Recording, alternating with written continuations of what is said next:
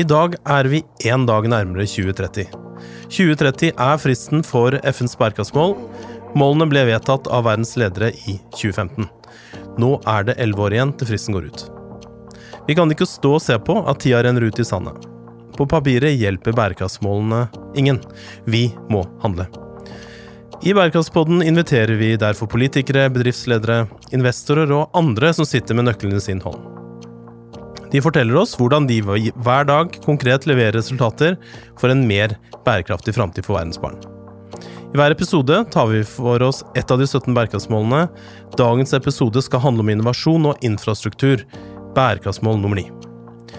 Våre gjester er daglig leder i Abelia, Håkon Haugli, og daglig leder i IKT Norge, Heidi Austli.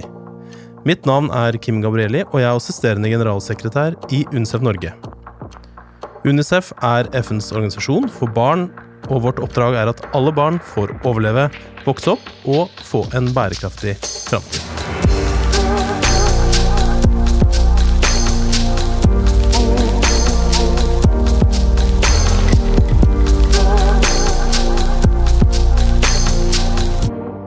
Velkommen til eh, Bærekraftspodden. Det er godt og varmt i studio, selv om snøen ligger i lufta. Vi varmer oss på rykende kaffekopper, og produsent Martin og jeg er klare for å få det meste ut av dagens uh, gjester. Uh, dere er begge såkalte administrerende direktører. Håkon Haugli i Abelia og Heidi Ausli i IKT Norge. Ja, velkommen uh, skal dere være. Nå er jeg sikker på at det er ganske mange av våre lyttere som lurer på hvem som skjuler seg bak den flotte og litt vanskelig å uttale tittelen administrerende direktør. Så jeg har lyst til å utfordre først, om dere kan si litt hvem dere er, og hvorfor dere er så opptatt av bærekraft. For vi antar jo det, siden vi har invitert dere hit. Eh, Heidi, har du lyst til å starte? Det kan jeg gjøre, og administrerende direktør høres jo veldig flott ut. Jeg husker når jeg var liten, så drømte jeg om å få lov til å være bestyrerinne i stedet. Syns nesten det høres litt finere ut. Men det betyr at vi, både Håkon og jeg, vi leder jo hver vår eh, bransjeorganisasjon. Eh, IKT Norge er en bransjeorganisasjon for selskaper som jobber innenfor digitale næringer. Både de som leverer eh, infrastruktur, men også de som leverer tjenester, f.eks. innen helseutdanning. Og så har jeg selv et ekstremt sterkt engasjement både i forhold til bærekraft bærekraftsmålene, og spesielt i forhold til barn og unge. Har jobba med utdanningssektoren og i skjæringspunktet mellom teknologi og utdanning, kompetanse, i godt over 20 år. Så dette gleder jeg meg veldig til. Ja, Håkon? Ja, ehm, kunnskap og teknologi blir jo helt avgjørende for å nå bærekraftsmålene. Og Abelia er arbeidsgiver og interesseorganisasjon for rundt 2200 kunnskaps- og teknologibedrifter i hele landet. Og Heidi og jeg deler jo en god del medlemmer innenfor digitale området. Og i tillegg så har vi noen forskningsmiljøer, kreative næringer og en del organisasjoner som jobber med bærekraftsmålene helt direkte. Og jeg tror en fellesnevner blant de virksomhetene vi organiserer, er at de er veldig, veldig opptatt av å bruke enten kunnskap eller teknologi til å gjøre verden til et bedre sted. Så det er hyggelig å være her. Ja, så er du en profesjonell podkastgjest, er du ikke det? Jeg hører noen rykter om at du har vært hos noen andre også, før du kom hit? Ja, dette er ikke en eksklusiv podkastopptreden. Ja, jeg har fått lov å være gjest hos eh, Petter Stordalen og Per Valebrokk og snakke litt om Sist gang var det om uh, oljefondet. Og det var en grei påminnelse om at oljefondet i Norge, det, hvis vi alle la ned arbeidet, så hadde vi hatt tre år med eh, forbruk, og så ville det vært oppbrukt. Ikke sant. Før vi nå da graver oss dypere ned i materien eh, og liksom får det ut av deres eh, små grå det meste vi kan, så tenkte jeg at jeg skulle gi en liten bakgrunn om bærekraftsmål nummer ni, som vi skal snakke om i dag. Som da har overskriften innovasjon og infrastruktur.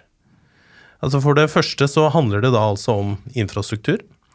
Og Da må vi stille oss spørsmål hva er egentlig infrastruktur? Eh, og Det er jo da den underliggende strukturen som, på, eh, som må være på plass da for at samfunnet vårt eh, skal fungere.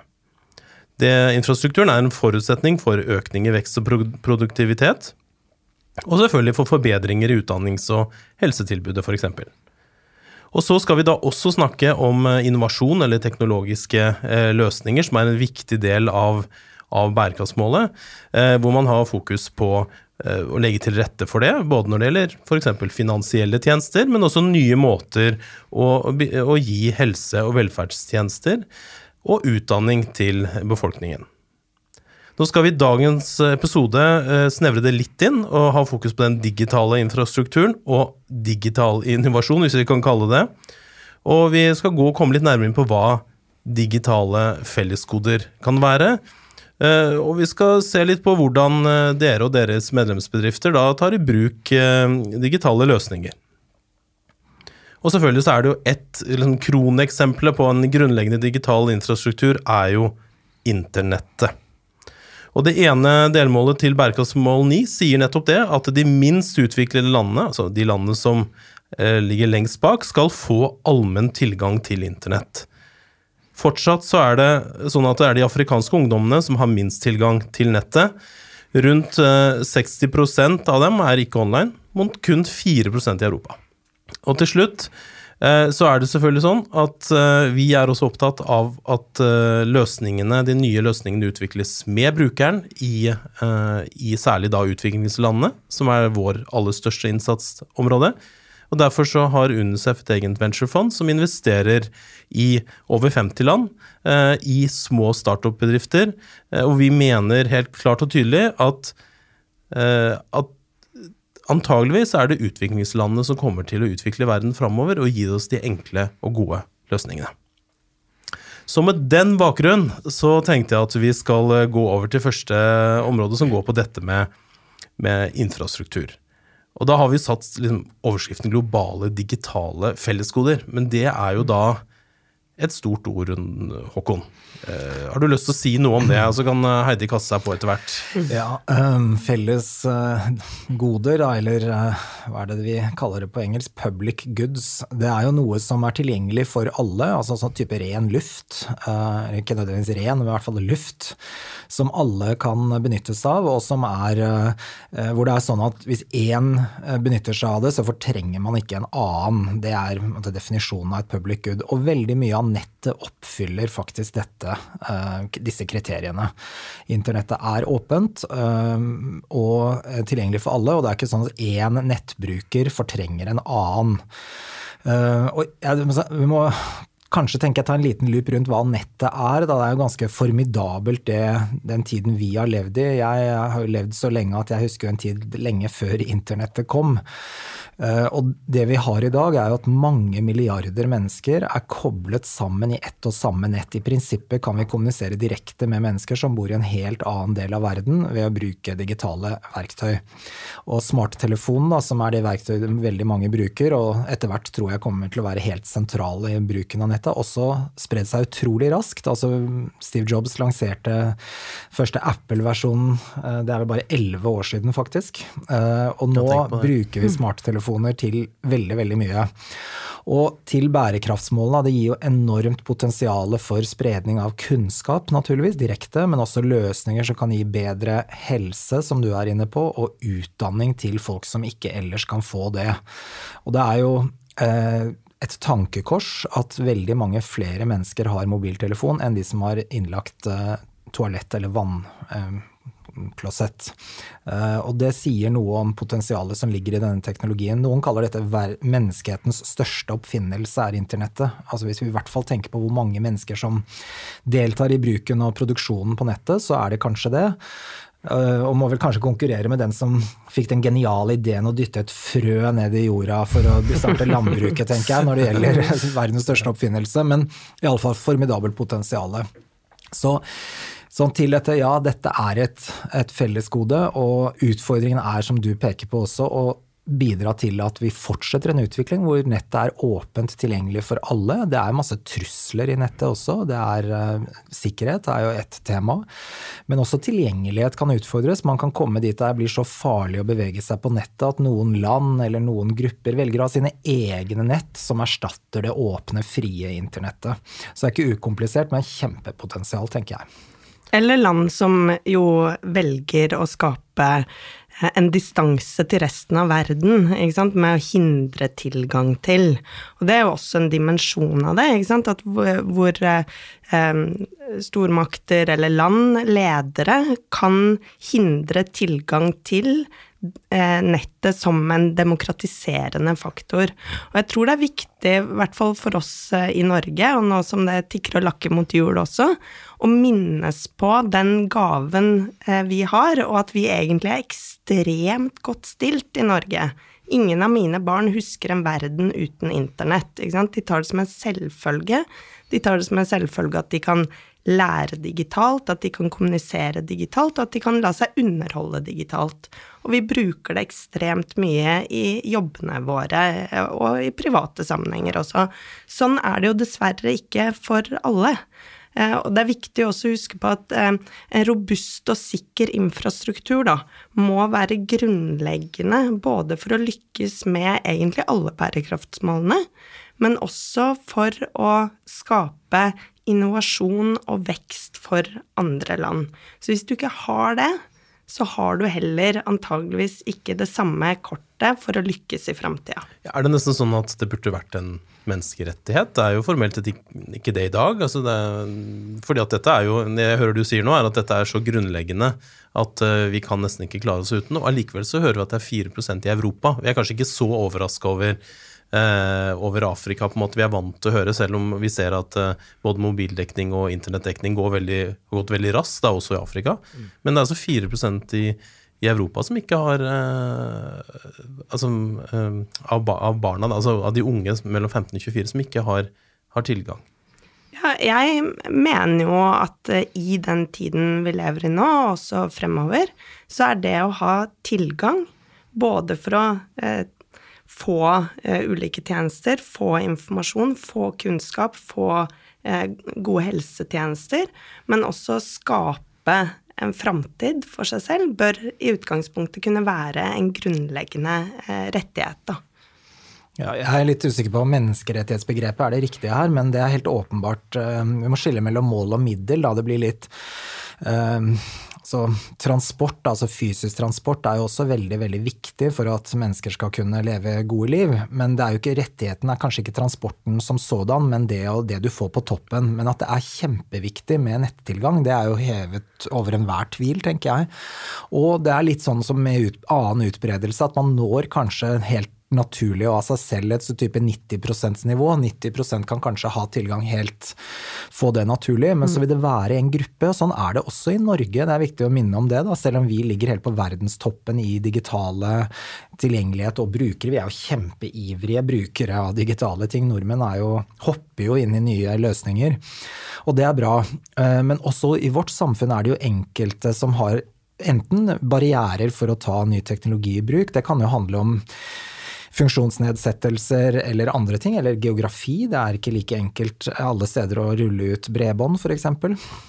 Og sånn er det også på verdensbasis, hvor også fattigdom kommer inn som en veldig viktig årsak til at enkelte ikke har den samme tilgangen som andre. Så da er spørsmålet hva gjør vi da med de som ikke.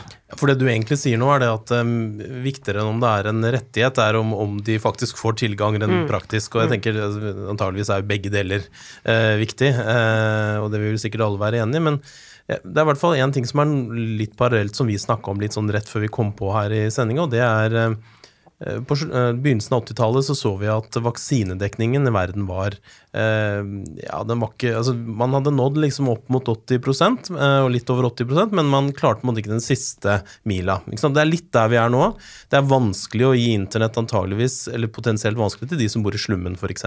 Altså, og hva gjør vi da?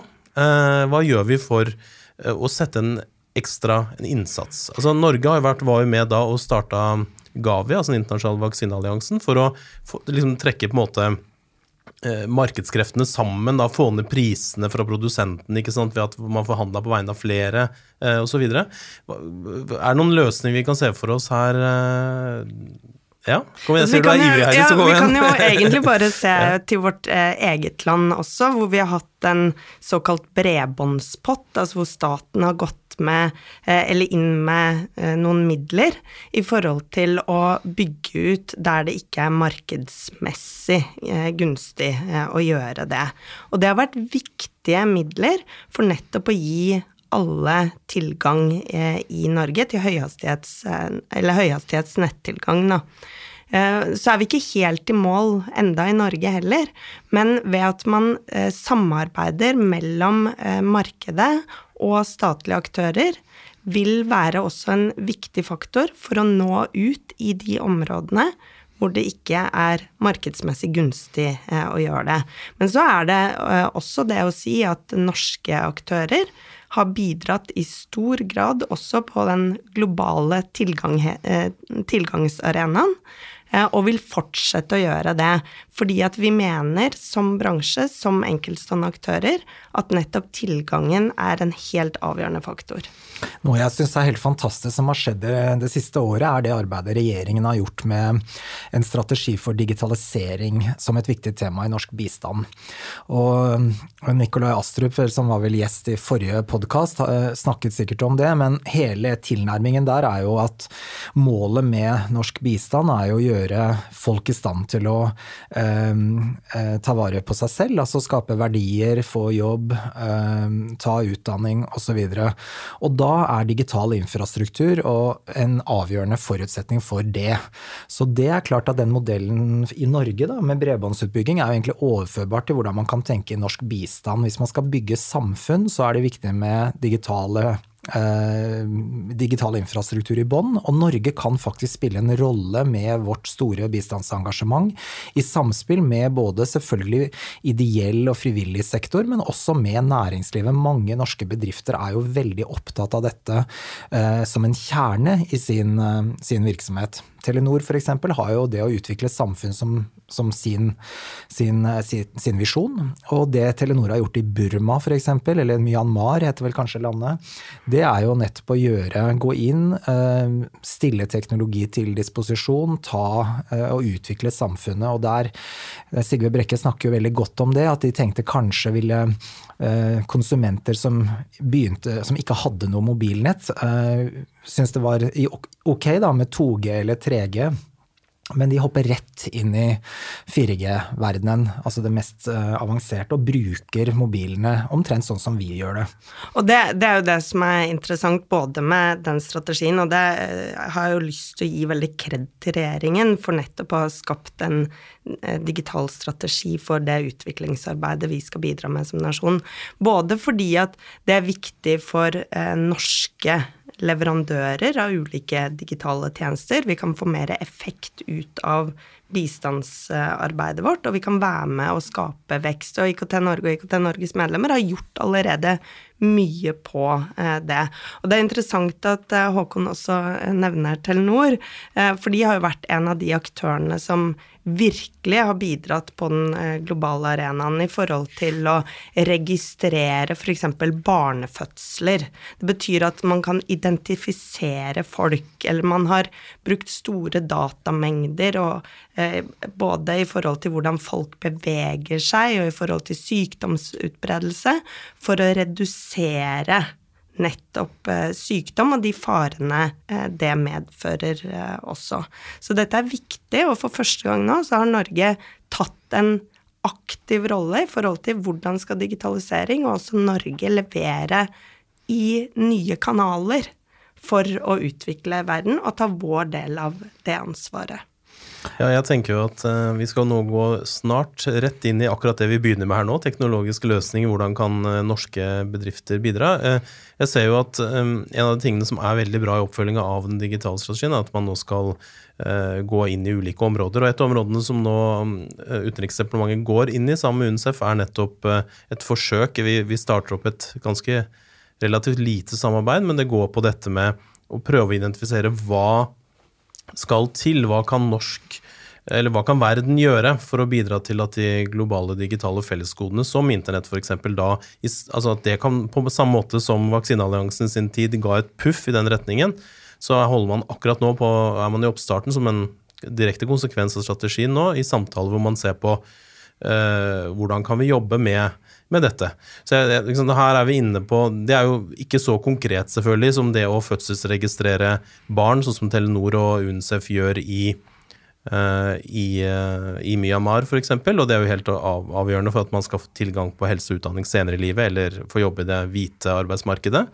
Um, men jeg tenker allikevel det er uh, så grunnleggende dette bærekraftsmålet, altså infrastrukturen og, og internettet, at det er det sikkert behov for å snakke enda mer om.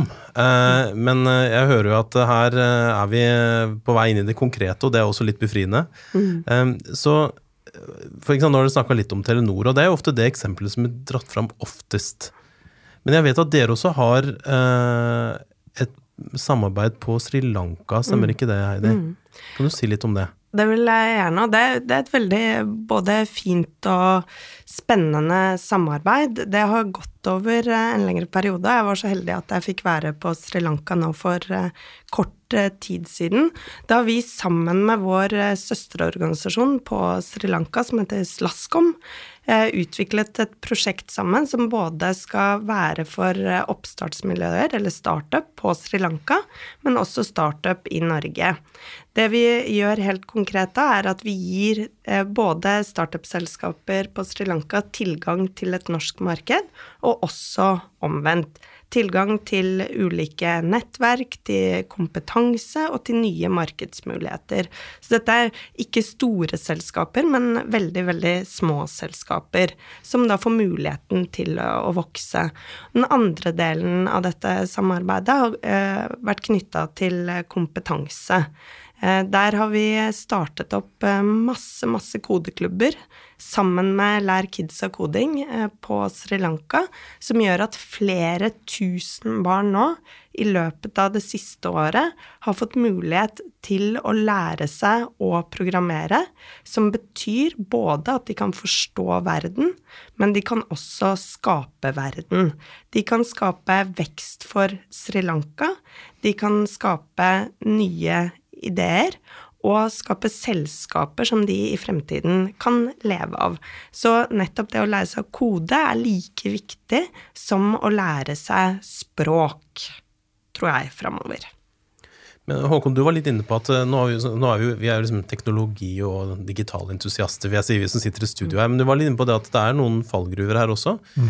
Eh, og en av tingene som, som UNCEF eh, ser på nå, er liksom skal vi gjøre en slags mapping av det nordiske markedet og se liksom, hva er mulighetene og hva er utfordringene i IKT-bransjen eller kanskje velge ut mobil, eh, altså telekomsene da, som en undergruppe, på en måte. Men hva, hva tenker du, altså, hvordan står det til her hjemme? Altså, hva er det, kan vi hva er det vi kan bli bedre på? Eh, vi får ikke sanntid når vi ikke sanntid-tilbakemeldinger når vi er hos legen, gjør vi vel, f.eks.? Ja, det er veldig mye vi kan bli bedre på i Norge. Det er ikke sånn at vi er eh, ferdig, ferdig med digitalisering som prosess. Altså, hvis du er gravid i Norge, må du fortsatt gå rundt med en papirlapp på innerlomma som heter helsekort for eh, gravide. og Har du ikke med den papirlappen når du skal føde, så kan du risikere å bli avvist på sykehuset. Men du vet hva, jeg må si noe om den gravidlappen, for det er veldig morsomt. For den baserer seg altså på data fra svenske kvinner på 50-tallet. Mm. Kvinnekroppen har utviklet seg eh, noe vil jeg tro.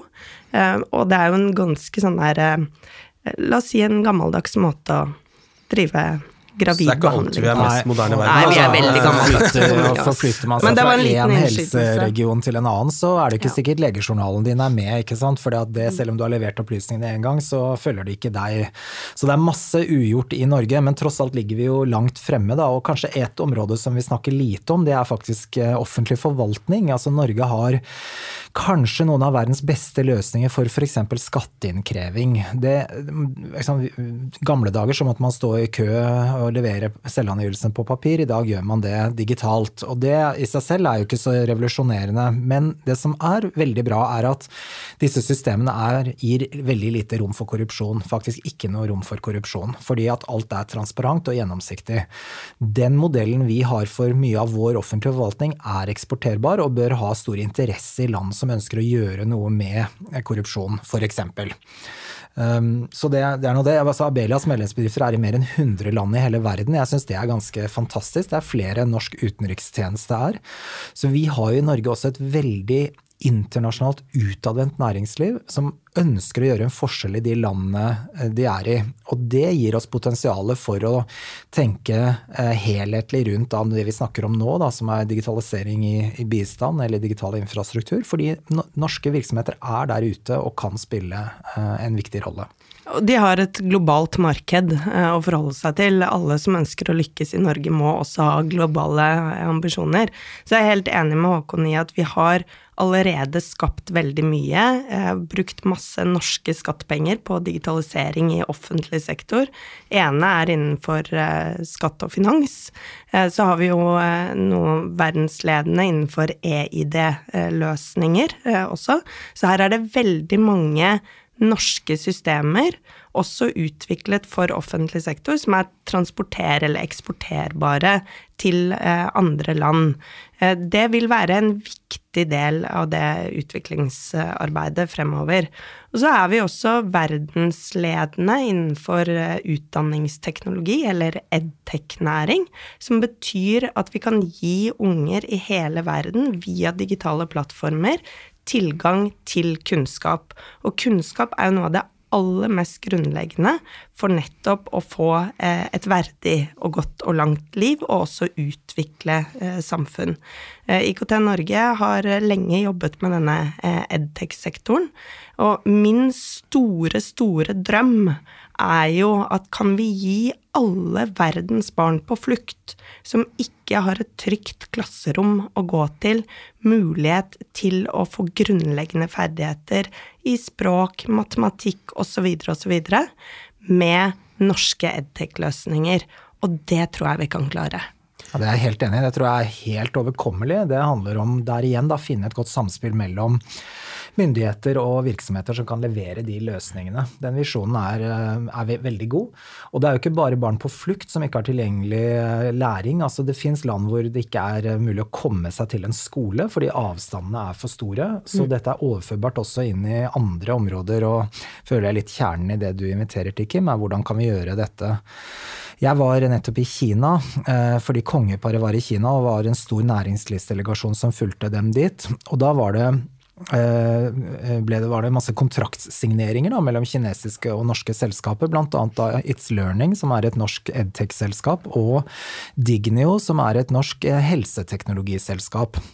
Og helse er et annet område hvor Norge har veldig gode miljøer, fordi norske både eh, helsetjenester og ikke minst norske forbrukere er veldig fremoverlente. På tross av det vi nå har snakket om helsekort for gravide, så finnes det også gode løsninger. Og Dignio de lager da en, en løsning for avstandsoppfølging av eh, pasienter. Og det er klart det er også veldig overførbart inn i, i bistanden. Altså alle som enten ikke kan eh, komme seg til et, en behandler, eh, men som kan få en konsultasjon eller kan få direkte veiledning og medisin medisinbruk eh, over nettet, kan, eh, kan, gjøre det med den type løsninger. Så norske, norske virksomheter er godt posisjonerte, og jeg eh, er optimist på å da nå dette bærekraftsmålet. Men hører jeg på en måte to ting. da, Vi er optimister på vegne av norske bedrifter, men jeg, jeg tenker at da er det også en diskusjon ikke sant, om eh, lokale bedrifter, deres mulighet til å ta del i den utviklingen, selvfølgelig. Hvordan vi bygger kompetanse lokalt. Det er også en diskusjon om Ehm, fellesgodene, hva er det, hvis vi snakker om kunnskap? Open source og, og, det å tilgjengeliggjøre teknologi. Hvordan kan da norske bedrifter da tjene penger, som man jo også må gjøre? Uh, jeg vet ikke hva men, det, liksom, Hvordan tror, bygger ja. vi den broa her? Ja. Ja. Uh, Sri Lanka-prosjektet vårt er egentlig et veldig godt Eh, eksempel på det. Eh, sist vi var der, så hadde vi med oss flere norske startup-selskaper som nå har inngått partnerskap med ulike miljøer eh, på Sri Lanka og bygger selskap sammen. Det betyr at man Det er en vinn-vinn, for begge land. Et av disse selskapene som har vært med ned, er det norske AI, eller kunstig intelligens-selskapet Ansys. Eh, de bruker kunstig intelligens i kombinasjon med helsesektoren, f.eks., som gjør at man på sekunder kan identifisere sykdommer fordi man bruker store datamengder i kombinasjon med kunstig intelligens, som betyr igjen at man kan få til en raskere diagnostisering, en raskere behandling, og man har mulighet til å redde mange, mange liv. Blir det kanskje litt nerdete å gå inn i materien kunstig intelligens, men, men hvis vi kan med norske miljøer tilføre verdi både for andres andre lands vekst, og det mener jeg er en viktig faktor i dette også, ja, så har vi også muligheten til å være med til næringsutvikling andre steder. Ja, Dette er et generelt poeng, og jeg tenker det er kjempeviktig at vi berører det. Det er ikke sånn at dette er én kake av en bestemt størrelse som skal deles mellom eh, de landene norske virksomheter er i, og Norge. Eh, tvert imot så bidrar man gjennom disse type økosystemene som Heidi nå eh, beskriver, til utvikling begge steder. Og det er, og skaper man arbeidsplasser i et annet land, så blir det ikke nødvendigvis færre arbeidsplasser i den virksomheten som utløser det i Norge, kanskje tvert imot. Og dette er viktig, og norsk næringssamarbeid bør være, eh, og må være globalt orientert, eller norske bedrifter må være globalt orienterte. Og jeg syns heller vi skal stimulere til mer eh, eksport, mer eh, vende blikket mer utover enn mindre, i frykt for at man tramper på noen lokalt, for erfaringen er egentlig at det er det motsatte som skjer. Og jeg tror det er viktig å ikke stille veldedighet opp mot business. Disse tingene henger også sammen.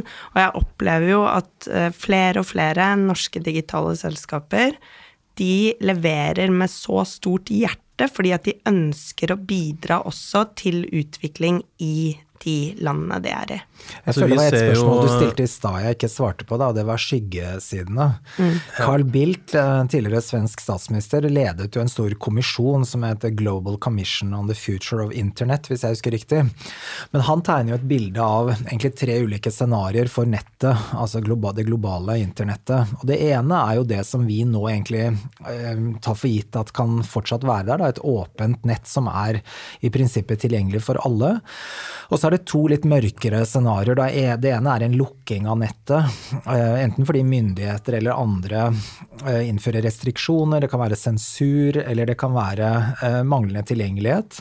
Og det tredje scenarioet er at det blir en, en boltreplass for kriminelle og, og blir rett og slett farlig å bevege seg på nettet, og som innebærer da i verste fall en kollaps av nettet slik vi kjenner det.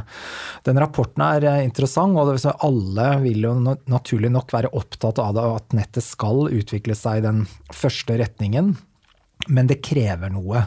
Og det krever noe av, eh, av, nasjonale myndigheter. Og det krever etter hvert, tror jeg, også noen felles internasjonale spilleregler.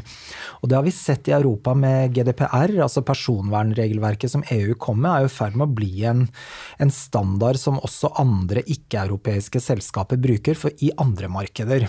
Og det er klart Personvern er én én viktig hindring. Hvis vi blir redde for at informasjonen vår havner på avveie, så vil vi nøle med å bruke digitale løsninger. Og det andre er sikkerhet, altså rett og slett de truslene som ligger i, i bruk av nettet, og hvor barn og ungdom er særlig sårbare. Og det å lage bedre mekanismer for å forhindre misbruk av nettet, altså type sånn, der er det jo også Norge gjort spennende ting, da, med sånn rød knapp du kan trykke på hvis du opplever noe ubehagelig, eller en direkte lenke til politiet hvis du mener du har vært utsatt for noe straffbart.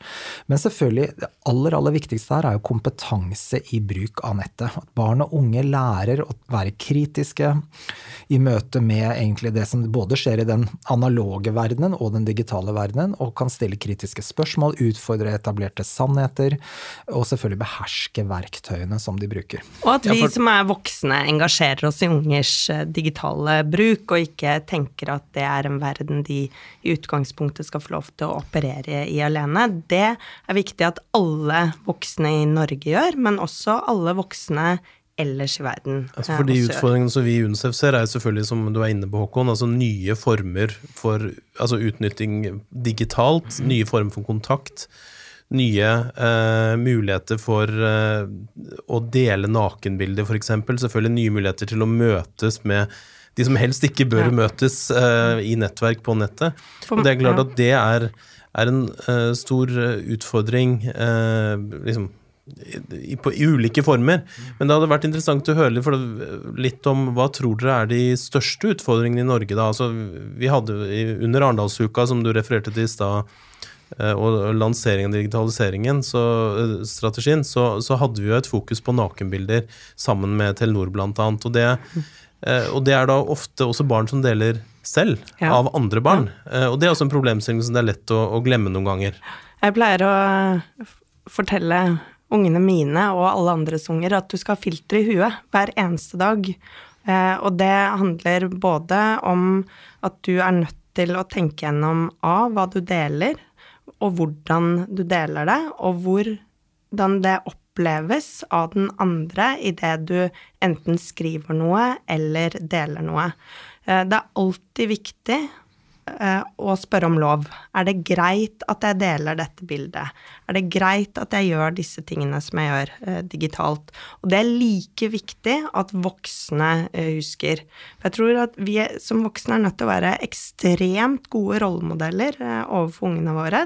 Det kan handle om tidsbruk, men det, det handler definitivt om vår digitale atferd. For gjennom å spille gode rollemodeller, så vil vi også overføre en positiv atferd til ungene. For det er viktig at vi ikke går inn og tenker at alt på nett eh, er farlig. Eh, for det er det ikke. Men det er skyggesider på nett, akkurat sånn som det er ellers i verden. Vi ville aldri ha sluppet ungene våre ut midt på motorveien og sa, sagt 'håper du finner veien hjem'. Vi ville fulgt dem, vi ville vært sammen med dem, og vi ville fortalt dem om de potensielle farene med det. Sånn at hvis vi tror at unger kan operere i en egen digital verden helt for seg selv, så er vi innmari teite eh, som voksne. Altså vi er nødt til å engasjere oss eh, i det, men vi blir altfor ofte passive. Myndighetene har også en viktig rolle her. Jeg er helt enig i at barn og voksne må ta ansvar, og dessverre, tenker jeg, bare sånn kommentar til det, så er det jo tankevekkende å se hvordan voksne mennesker opptrer på nettet. Altså Hvis man tenker sånn sjikane og sånn, så er jo ikke det er jo ikke barn og ungdom som er de fremste eksponentene for det. Det er voksne, ofte ganske voksne mennesker som, som bruker nettet på en veldig lite, lite god måte.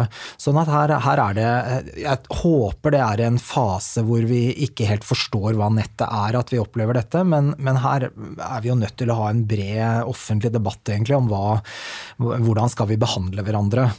Men myndighetene har også en viktig rolle. Det er f.eks. viktig at politiet har kompetanse til å etterforske overgrep på nett. At de kan nok om det som skjer, og at alvorlige straffbare forhold faktisk forfølges i rettssystemet. Og Der er det et potensial. Politiet, i likhet med mange andre, henger jo etter i en digital utvikling, de også.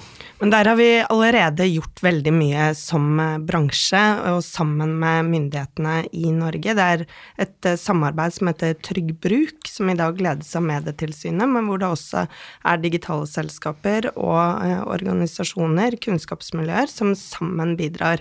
IKT Norge var for mange, mange år siden eh, med på å ta initiativ til å lage et såkalt sånn overgrepsbildefilter, eh, hvor de norske teleoperatørene også var aktivt inne med det.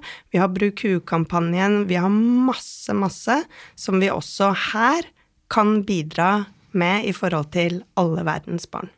Da har vi et, eh, På slutten, helt på tampen her, så har vi et eh, agendapunkt som pleier å hete noe sånn som uh, nye bærekraftsmodeller i norsk utviklingspolitikk. Men det har vi jo allerede snakket litt om. Så jeg tenkte jeg skulle utfordre på for Vi var inne på at vi trenger nye internasjonale regler. For det fins vel ikke i dag noen konvensjon som sier noe om hvordan internett er, er Kanskje vi kunne brukt et par minutter på det? Hva tenker dere rundt det? Burde det vært eh, mer internasjonalt samarbeid eh, fastslått i konvensjoner eller, eh, eller avtaler? Håkon? Altså, noe av det som gjør at internett er så en stor suksess, er jo at det har vært styrt nedenfra, utviklet nedenfra av brukere og næringsliv, og ikke styrt fra myndighetene. Jeg tror aldri vi hadde hatt et internett hvis man skulle ha en FN-konvensjon i utgangspunktet, og så forhandle seg fram til hvordan det nettet skulle bli. Så det er jo viktig at vi ikke tar det vekk, at det fortsatt er eh, utviklet nedenfra.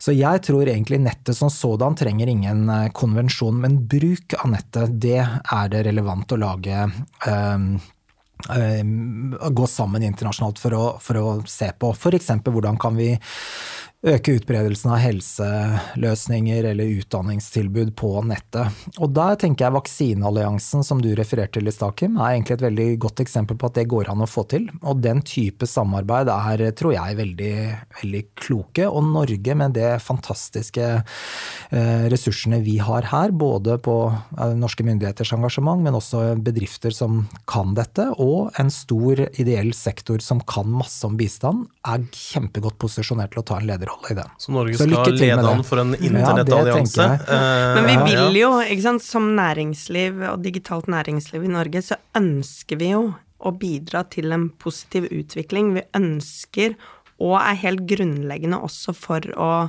eh, realisere FNs bærekraftsmål. Det vil vi være med å ta et ansvar for. Da har klokken tikket nok en time nærmere 2030, og vi har enda dårligere tid. Eh, jeg mener og tror at vi i dag har bidratt bitte litt til å komme noen flere forslag til hvordan vi skal nå målene innen fristen. Tusen takk til eh, Heidi og Håkon for at dere kom til oss i dag. Hvis du vil lære mer om bærekraftsmålene, så går det an å gå inn på unicef.no eh, slash bærekraft. Takk for i dag.